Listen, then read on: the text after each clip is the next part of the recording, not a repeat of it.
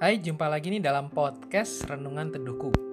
Podcast yang berisi tentang renungan singkat dari firman yang kita baca dan kita bisa belajar sesuatu dari firman tersebut. Oke, pada episode kali ini saya akan berbagi tentang menceritakan perbuatannya ya dalam masa Pentakosta gitu ya. Kita akan mendasarinya dalam satu bagian firman Tuhan dari kisah para rasul 2 ayat yang ke-11 baik orang Yahudi maupun penganut agama Yahudi, orang Kreta, dan orang Arab, kita mendengar mereka berkata-kata dalam bahasa kita sendiri tentang perbuatan-perbuatan besar yang dilakukan Allah. Nah, peristiwa Pentakosta, yaitu turunnya Roh Kudus, itu jadi titik poin bagaimana murid-murid saat itu berani bersaksi tentang perbuatan-perbuatan besar yang dilakukan Allah dalam Kristus Yesus. Karena sebelumnya mereka masih tidak berani ya mengurung diri gitu ya. Sampai masa kebangkitan Tuhan Yesus. Sampai masa Tuhan Yesus uh, naik ke surga. Kemudian ada waktu, ada momen di mana mereka juga tetap harus menanti-nantikan. Tapi ketika Roh Kudus turun, maka mereka berani bersaksi. Maka mereka berani menceritakan apa yang menjadi perbuatan besar yang dilakukan Yesus saat dia hidup di dunia dan bahkan tidak hanya itu diteruskan oleh mereka. Lewat apa? Lewat kuasa Roh Kudus. Nah, yang menarik bahkan tidak hanya itu saja. Roh Kudus juga memampukan mereka dapat bicara dalam berbagai bahasa dari berbagai bangsa di dunia. Tentu kita ingat ya, saat itu kan nggak ada kursus bahasa asing ya. Jadi belum ada kursus bahasa asing apa bahasa asing Kreta gitu ya bahasa asing orang Arab bahasa asing orang Yahudi bahasa asing orang mana gitu ya yang di negara-negara atau bangsa-bangsa yang saat itu berkumpul. Jadi saat itu belum ada kursus bahasa asing, tapi mereka murid-murid Yesus itu bisa berkata-kata dalam bahasa asing. Lah kok bisa? Itulah kuasa Roh Kudus.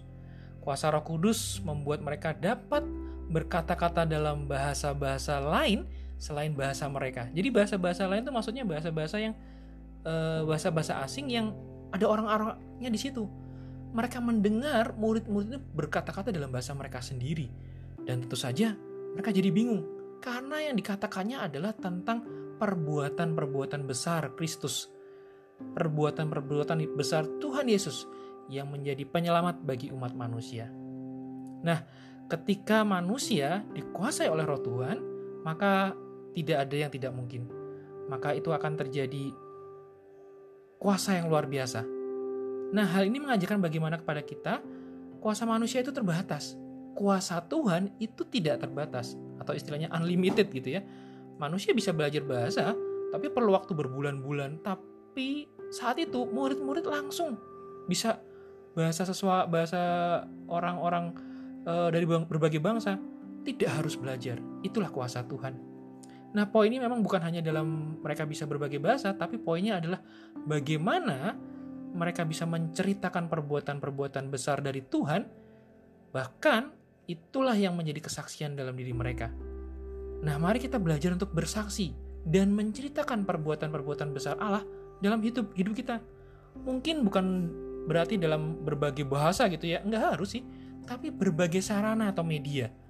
Dengan adanya kemajuan internet saat ini ya kita bisa melakukannya dengan berbagai media lewat media sosial, tayangan audio, tayangan visual, apa pun. Lewat tulisan di blog, apa pun. Mari kita ceritakan, mari kita tuangkan bagaimana perbuatan-perbuatan Allah yang luar biasa. Seperti yang kita juga sedang uh, dengarkan nih, lewat podcast misalkan, lewat tayangan yang lain misalkan, atau lewat tulisan di blog. Mari kita menceritakan perbuatan atau kasih Tuhan, sehingga banyak orang akan melihat bahwa betul bahwa Kristus itulah juru selamat buat hidup kita. Oke? Sampai di sini saja podcast pada episode kali ini. Semoga jadi berkat buat kita. Sampai jumpa dalam episode podcast Renungan Teduh berikutnya. Tuhan memberkati.